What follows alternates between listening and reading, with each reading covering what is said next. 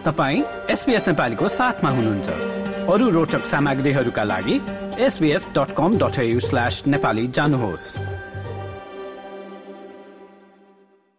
इजरायलको राजधानीका रूपमा वेस्ट जेरुसलेमलाई मान्यता दिने यस गठबन्धन सरकारको यस पहिलेको यसभन्दा अघिको गठबन्धन सरकारको निर्णयबाट हालको लेबर सरकार पछि हटेको छ। इजरायली र प्यालेस्टाइन दुवैले दावी गर्दै आएको जेरुसलेम निकै जटिल र संवेदनशील मानिन्छ। टोब्रा क्रोएर्कले तयार पारेको रिपोर्ट अबको प्रस्तुतिमा।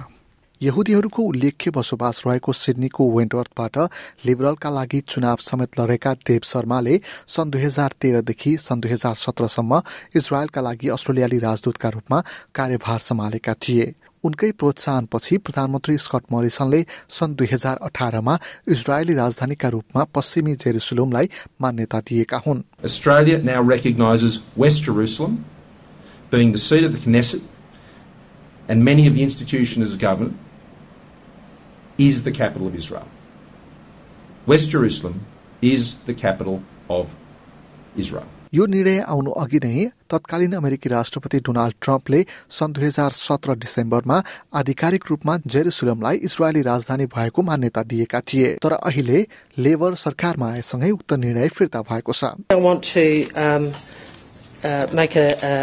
an announcement in relation to विदेश मन्त्री पेनी वोङले पहिलेको सरकारको निर्णयलाई उल्ट्याउँदै सन् दुई हजार अठार अघि अस्ट्रेलियाले तेल अभिवलाई राजधानी मान्यता दिएको अवस्थालाई यथावत राख्ने बताएकी हुन् The Australian government remains committed to a two state solution in which Israel and a future Palestinian state can coexist in peace and security within internationally recognised borders.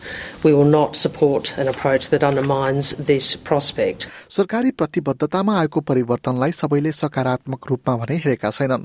विपक्षी दलका नेता पिटर डटन आगामी बजेटमा आउने नकारात्मक समाचारलाई टाकसोप गर्न र मानिसहरूको ध्यान अन्यत्र सार्न यसो भएको आरोप लगाउँछन्।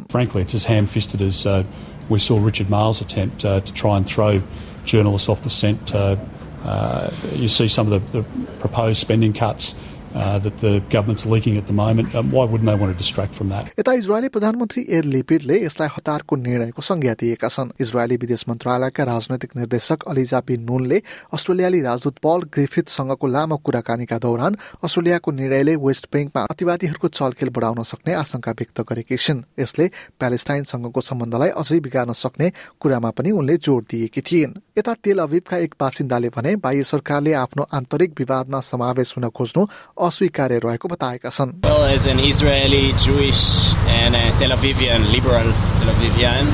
uh, I would not want to live in Jerusalem in any way, but Jerusalem is the eternal capital of the Jewish people.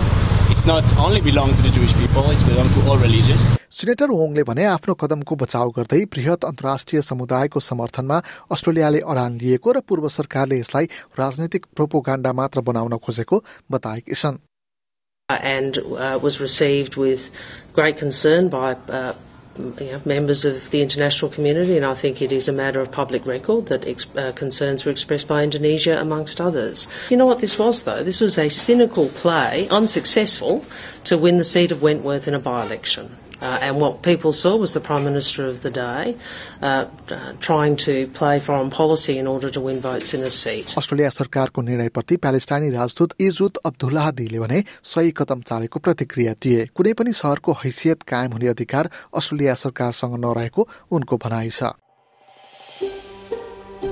यो जस्तै अन्य प्रस्तुति सुन्न चाहनुहुन्छ? एप्पल पोडकास्ट गुगल पोडकास्ट स्पोटिफाईमा हामीलाई खोज्नुहोस् वा तपाईँले पोडकास्ट सुन्ने अन्य सेवामा।